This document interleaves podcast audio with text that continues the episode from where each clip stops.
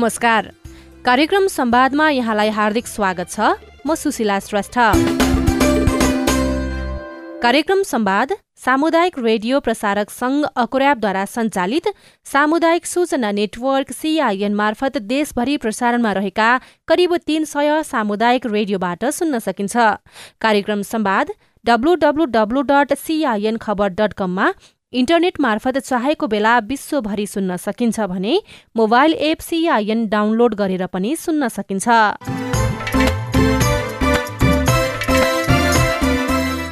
World Vision International नेपालसँगको सहकार्यमा तयार पारिएको यो कार्यक्रम बालविवाह लगायतका हानिकारक परम्परागत अभ्यासहरूको अन्त्यका लागि भइरहेका प्रयासमा केन्द्रित रहनेछ। आजको कार्यक्रम संवादमा नेपालमा बाल विवाहको अन्त्यका लागि राष्ट्रिय समावेशी आयोगले गरिरहेको प्रयास र धार्मिक अगुवाहरूको भूमिकाका विषयमा केन्द्रित रहेर छलफल गर्नेछौं।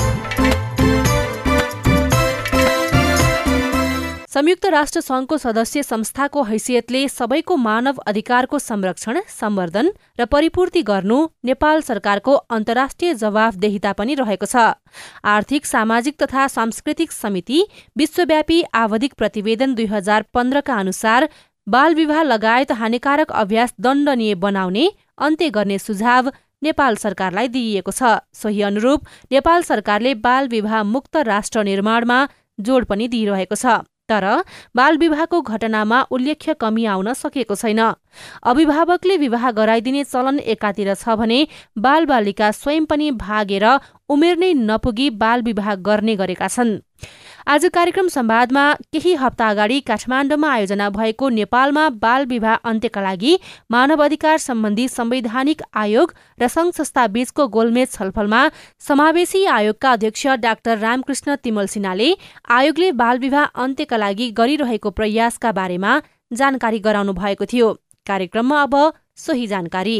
पर्सनल्ली यो बाल विवाहको आजको मेजर इस्यु हो र चालिसभन्दा बढी सोसियल माल प्र्याक्टिसेसहरू अथवा हार्मफुल प्र्याक्टिसेसहरू जुन छन् तिनमा आयोगले के गरिरहेछ भन्ने सन्दर्भमा दुईवटा पर्सपेक्टिभ भएको हुनाले अलिकति लामो हुनसक्छ। राष्ट्रिय समावेशी आयोगको पर्सपेक्टिभबाट कुरा गर्दा यसले एघारवटा क्षेत्र हेर्छ। एघारवटा क्षेत्रमध्ये सबैभन्दा बढी समस्या भएका क्षेत्रहरू यसले हेर्छ।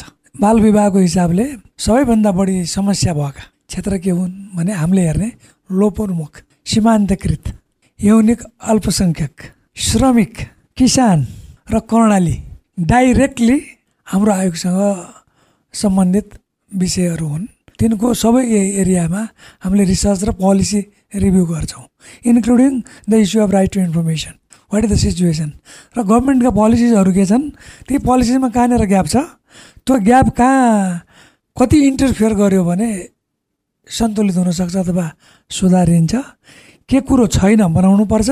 के कुरो छ तर अपूर्ण छ? थप्नुपर्छ? के कुरो छ तर गलत छ? त्यो झिक्नुपर्छ।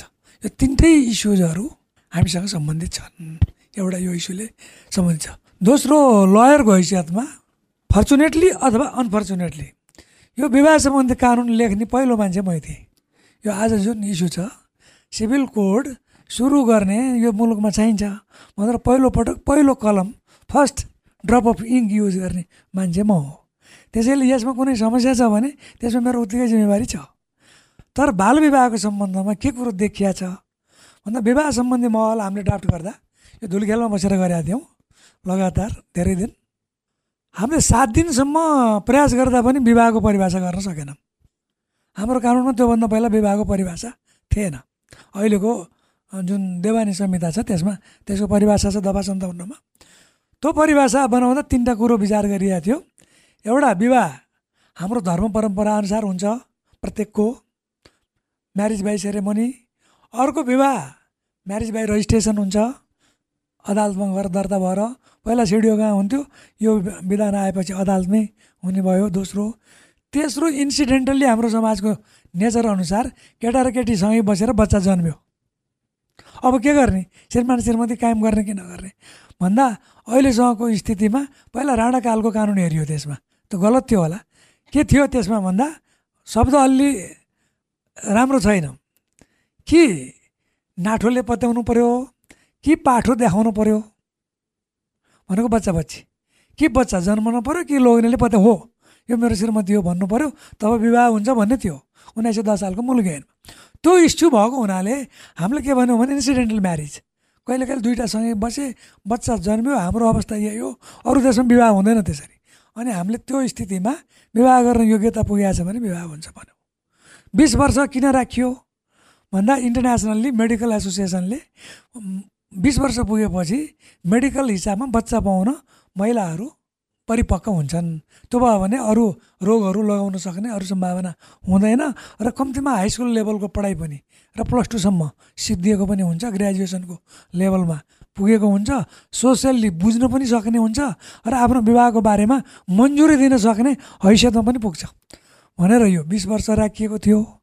तर अहिले हाम्रो सामाजिक परिवेशले स्टडी गर्दा के देखियो भन्दा Nepal is the worst country in Asia जहाँ वान थर्ड म्यारिजहरू बालविवाह हुन्छ भन्ने रिजल्ट आयो। यो रिजल्टको बिचमा त कन्ट्राडिक्सन आयो। एउटा समस्या यो देखियो। दोस्रो क्रिमिनल लको इन्टरनेसनल प्रिन्सिपल अनुसार के भयो भन्दा उमेर नपुगेको विवाह भएर सहमतिमै सम्बन्ध भयो भने पनि त्यो स्ट्याचुटरी रेप हुन्छ। यता विवाह गरिरहेको छ उता रेप हुन्छ। भनेपछि त जेलमा बस्नुपर्ने भयो। सिचुएसन इज भेरी सिरियस अहिले there are so many issues जसले गर्दा मान्छे जेलमा छन्। हामीले कतै यत्रो अपराध त गरेनौँ। विवाह गरेको मान्छेहरूलाई लगेर जेलमा कोचाउने कानुन क्रिमिनल लमा त राखिएन। This is an the very serious issue third issue दुईवटा उमेरै नपुगेको बच्चा बच्ची भनौँ न अठार वर्षको अथवा सोह्र वर्षको। सँगै बसे र बच्चा जन्मियो भने न त्यो कानुन बमोजिम दर्ता हुनसक्छ न त्यो बच्चा इन्भ्यालिड हुन्छ न त्यो श्रीमान श्रीमती हुन्छ यो प्रब्लम हामीले विचारै गरेनछौँ त्यसैले अब कानुनमा राइट्स संशोधन गर्नुपर्ने बेला भयो त्यो संशोधन गर्दा के गर्नुपर्छ? पक्का पनि भने बिस वर्ष उमेरलाई घटाउने हो कि होइन? त्यो एउटा छुट्टै स्टडी होला। अब त मैले पनि के सोच्न थालेँ भने अठारमा झारे हुन्छ कि भन्ने टाइपको यो देशको स्थिति हेर्दा क्रिमिनल लमा ल्याएर ड्र्याग गर्नुभन्दा त बरु अठार वर्षमै सहमति दिने हो कि भन्ने एउटा। तर बिस वर्ष के हो भन्दा यो जस्तो यो सिआइएन जस्ता संस्थाहरूले एडभोकेसी गर्दा बिस होइन बरु बाइसको एडभोकेसी गरेर उमेर चाहिँ छ्याले नै मान्छेले थप्न सक्ने छिटो बिहा नगर्न सक्ने जनचेतना प्रिभेन्टिभ मेजर्सहरू होइन? अथवा काउन्सिलिङ गर्ने कुराहरू रिलिजियस गुरुहरूले आफूले भन्ने बेलामा कम्तीमा सयजना राखेर यसो गऱ्यो भने यस्तो हुन्छ। भनेर भन्न सक्ने सिचुएसन हो। इन्टर रिलिजियस कमिटमेन्ट ग्रुपहरूको। यो भयो भने मलाई लाग्छ प्रिभेन्टिभ एरियामा कम्युनिटीले काम गर्न सक्छ। अब जहाँसम्म क्युरेटिभ एरिया हो त्यो करेक्सनको कुरा हो र त्यो लिगल्ली जान्छ। लिगल्ली जाँदा क्रिमिनल लमा लैजाँदाखेरि यता विवाह बदर हुने उता बच्चा जन्मने उता सम्बन्ध पर्ने उता पुलिसले कारवाही गर्ने। यो किसिमको कन्ट्राडिक्सन यो सिभिल ल एन्ड क्रिमिनल लमा देखियो। त्यसैले यो सोसाइटीलाई ठाउँमै गएर नबुझेर यो लेखिएको हुनाले म आफू पनि दोषी छु भन्ने मलाई अहिले लाग्यो कि यो पछि पछि कुरा गर्दै जाँदाखेरि। अब हामी के गर्न सक्छौँ? राष्ट्रिय समावेशी आयोगको तर्फबाट भने हामीले अल्पसङ्ख्यक सीमान्तकृत गरिब समुदायहरूसँग काम गर्नुपर्ने हुन्छ। त्यहाँ जाँदा अरू कुराको अतिरिक्त यो विवाहको र माल प्र्याक्टिसेसहरूको बारेमा पनि अथवा हार्मफुल प्र्याक्टिसेसहरूको बारेमा पनि सँगसँगै प्याकेजमा कुरा गर्ने। हाम्रो रिपोर्टहरूमा त्यो कुरो पार्ने। एउटा त अहिले यो यो वर्षकै रिपोर्टमा केही कुराहरू परेको छ जस्तो दलितलाई आदिवासी जनजातिलाई अथवा गरिबलाई महिलालाई विपन्नलाई लक्षित गरेर बनेका उखानहरू परिवर्तन गर। नेपाली शब्दकोशमा रूपान्तरण गर। भाषिक अभ्यासमा कोर्समा राखेर ह्युमन राइट्स फ्रेन्डली बनाऊ। त्यो बनाएनौ भने तिम्रो सभ्यता नै नाश हुन्छ। तिम्रो सभ्यतामा भएका कुरीतिहरू अथवा यी क्यान्सरियस प्र्याक्टिसेसहरू तिनलाई अन्त गर्नुपर्छ भन्ने हाम्रो अहिलेको सिफारिसमा पर्छ। परिसकेका छ हामीले लेखिसकेका छौँ। तर त्यो लेखेर मात्र पुग्दैन। त्यो गर्ने मान्छेहरूले थाहा पाउनु पऱ्यो गर्ने मान्छेलाई एउटा डरको माध्यम हुन्छ एउटा ज्ञानको माध्यम हुन्छ। ज्ञानको माध्यम प्राथमिक हो। त्यसैले latest focus on knowledge education counselling and community work यसमा हामी फोकस गरौँ। अर्को दोस्रो हो त्यो क्युरेटिभ माध्यममा विभिन्न हुँदा क्रिमिनल लको एप्रोचमा छिटो जान हुँदैन कि भन्ने मेरो अहिले त्यस्तो लागिरहेछ। क्रिमिनल लको एप्रोचमा जाँदा यता राज्यको पैसा पनि खर्च हुने पुलिस प्रशासनको समय पनि जाने र वास्तवमा व्यक्तिलाई अन्याय पनि हुने। त्यो भएको हुनाले त्यसलाई छुट्याइदिनु दुइटा एउटा क्रिमिनल माइन्ड सेटबाटै भएको छ भने अपहरण छ विवाह छैन एक्स्ट्रा म्यारिटल छ होइन त्यो हिसाबमा हो भने प्युनिटिभ एप्रोच राख्नै पर्छ। तर विदिन म्यारिज छ एजुकेसनको कमको कारण छ कम्युनिटीको पर्सपेक्टिभको कुरो छ भने त्यसलाई सामान्य सजाय अथवा चेतावनी अथवा लोकल लेभलबाट हुनसक्ने प्रशिक्षण अथवा काउन्सिलिङ अथवा सुविधामा यसलाई गरेर यस्तो गऱ्यो भने सुविधा नपाउने भन्ने किसिमको सामान्य सजाय यो टाइपको गर्ने र जसले बिस वर्षभन्दा माथि पच्चिस वर्षभन्दा तल अथवा यो उमेरमा कुरो गर्छ र त्यो मान्छेको त्यो कम्युनिटी तोकेर है फेरि सबैलाई होइन।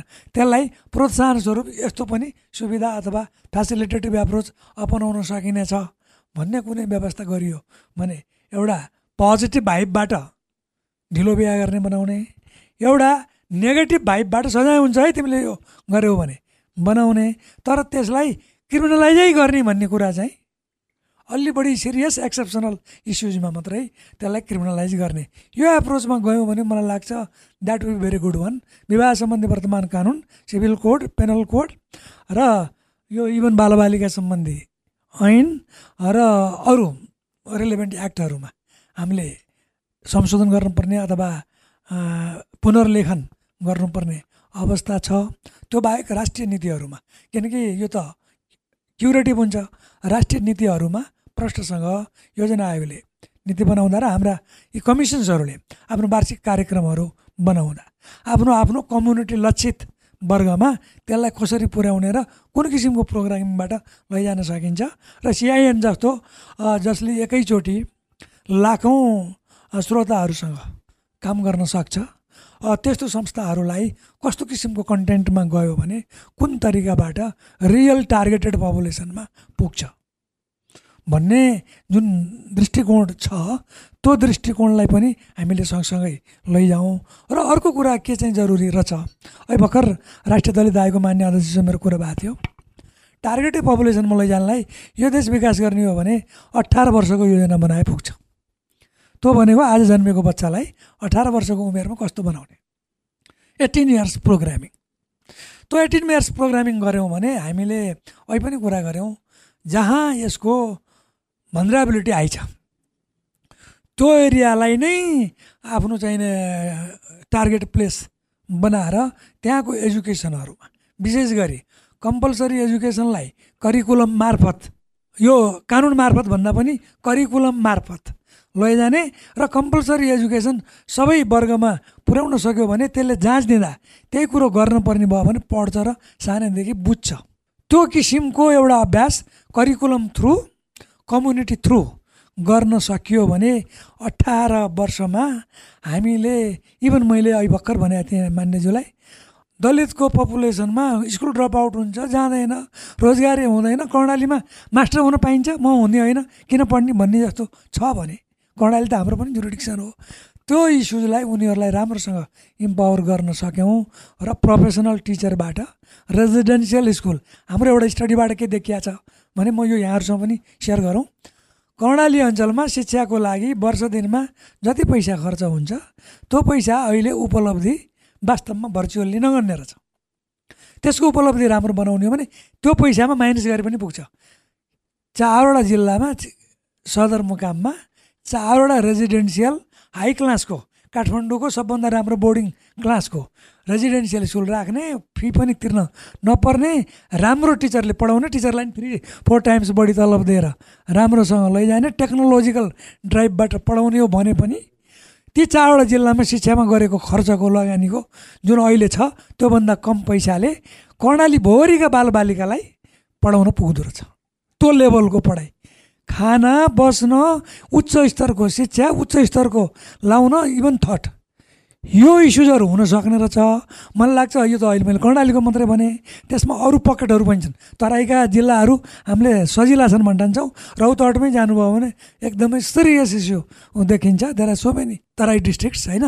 त्यो अर्थमा पनि हामीले इन्टरफेयर इन्टरभेन र इनिसिएसन गऱ्यौँ भने मलाई लाग्छ सिआइएन जस्तो इन्स्टिच्युट्सहरू छ।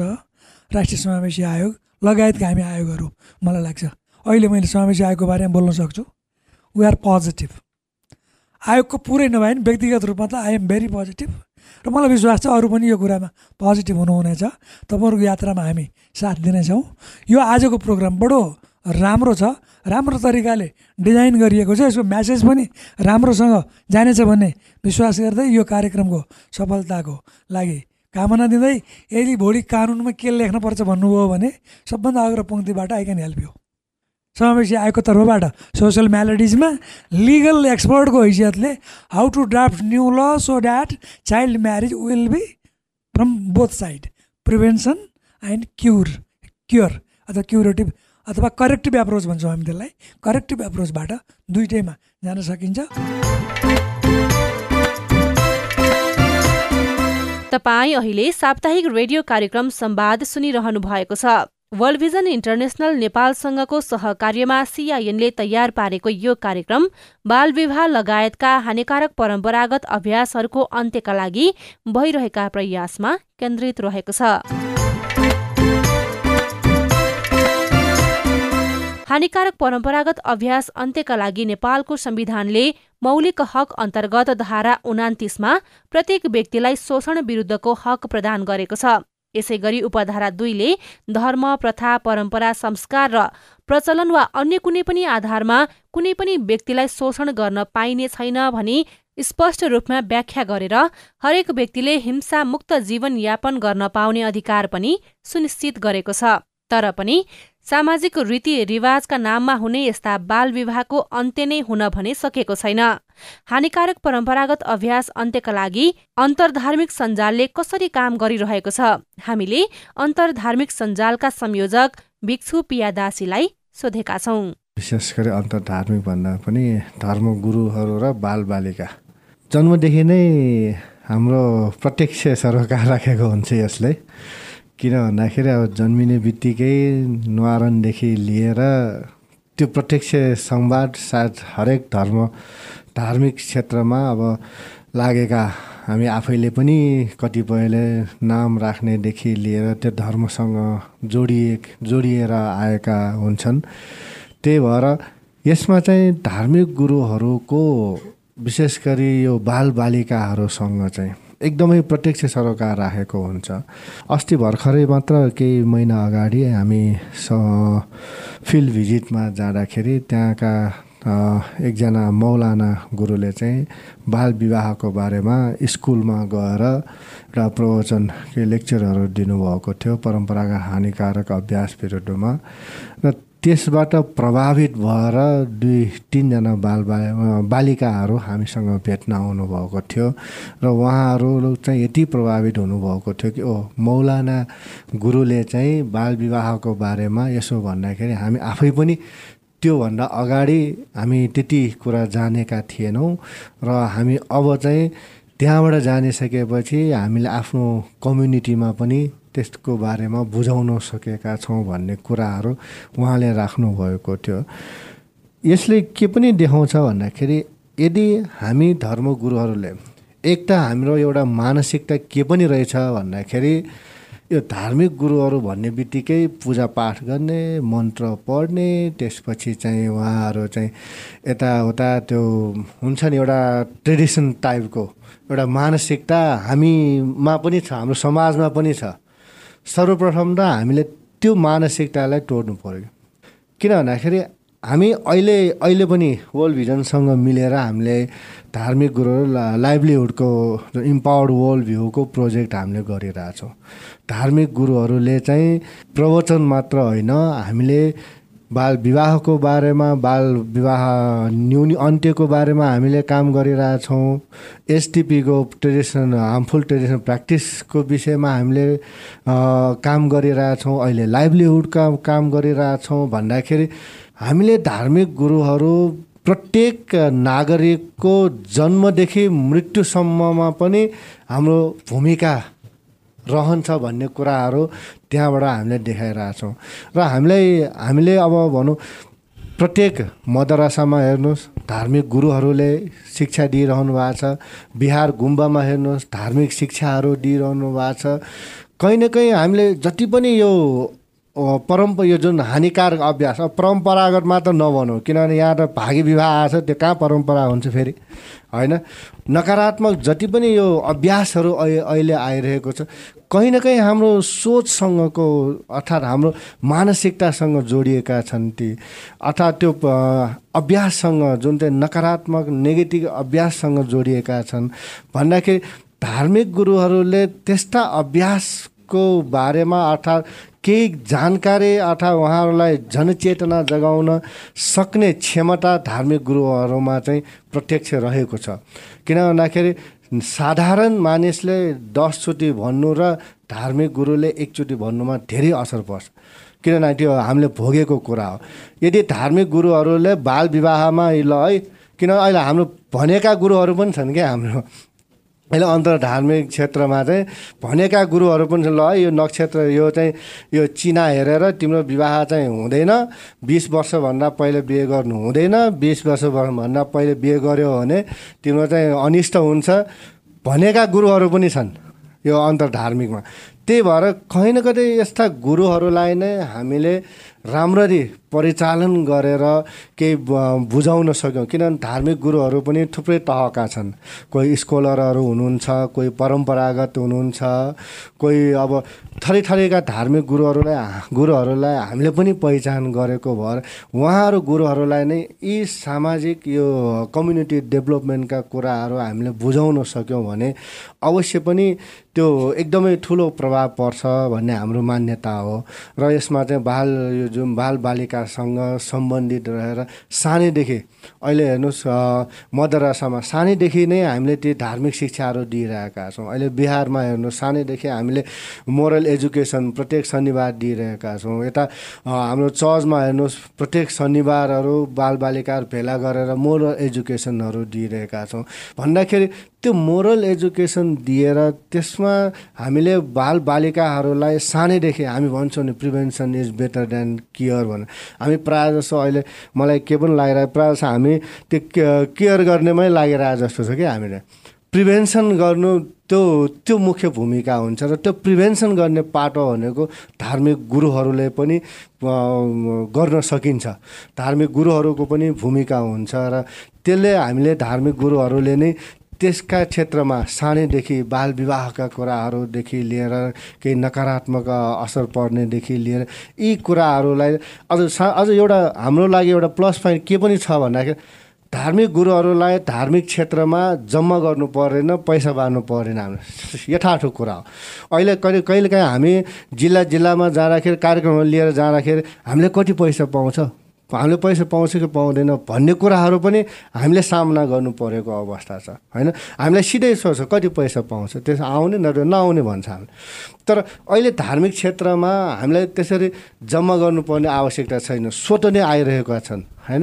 कुनै प्रवचनमा हेर्नुहोस् हजारौँ मान्छेहरू आइरहेका हुन्छन्। कुनै पूजापाठमा भन्नुहोस् हजारौँ मान्छेहरू आइरहेका हुन्छन् बालबालिकाहरू प्रत्येक शनिबारहरू पढ्न आइरहेको स्वयं बालबालिकाहरू पढ्न आए भन्दाखेरि उहाँहरूलाई मात्र हामीले यी कुराहरूको बारेमा जानकारी मात्र दिन सक्यौँ भने पनि हाम्रो समाजमा धेरै परिवर्तन हामीले ल्याउन सक्छौँ। त्यही भएर हामीले आज धर्म गुरुहरू हाम्रो अघि पनि उहाँले भनिसक्नुभयो यहाँ अन्यथा नलिनु है कोही बार्किङ डगहरू हुनुहुँदो रहेछ कोही बाइटिङ डग यसो भनिरहँदा हामी धर्मगुरुहरू चाहिँ एउटा साइलेन्ट डग जस्तो भइरहेको छ कि न बार्किङ गर्न सकेका छौँ न चाहिँ हामीले बाइटिङ गर्न सकेका छौँ होइन।